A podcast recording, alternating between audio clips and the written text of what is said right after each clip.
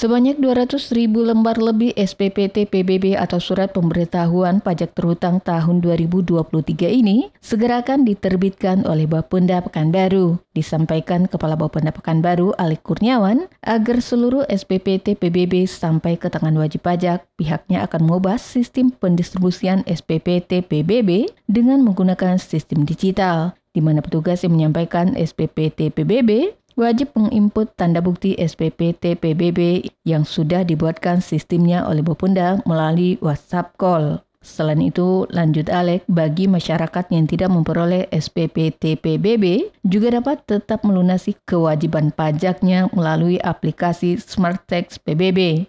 Aplikasi tersebut dijelaskan Alek bisa didownload melalui Android dan tinggal memasukkan nomor SPPT PBB. Ali berharap dengan berbagai kemudahan yang diberikan oleh Bapenda baru bisa membantu masyarakat untuk melunasi kewajiban pajaknya untuk lebih tepat waktu.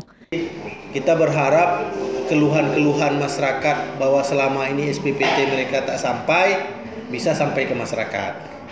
Tapi pada intinya sebetulnya SPPT tersebut tidak susah-susah masyarakat. Masyarakat tidak perlu SPPT tersebut.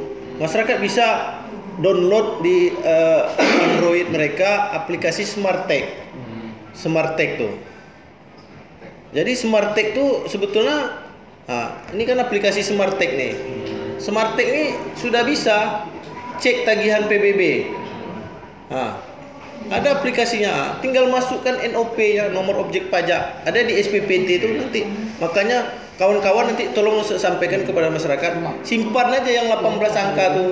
Nah, angka pertamanya tuh sama dengan mirip nomor KTP 14.71 tapi dia 18 angka. Masukkan di sini. Cek di sini. Ada yang punya contohnya saya lupa pula. Ada juga. Ini tinggal masuk cek nih. Nanti muncul tagihan. Mau bayar di sini bukan bayarnya di sini. Bayarnya melalui eh, eh, m banking atau kita ke bank. Desi Suryani itu meliputan Barabas melaporkan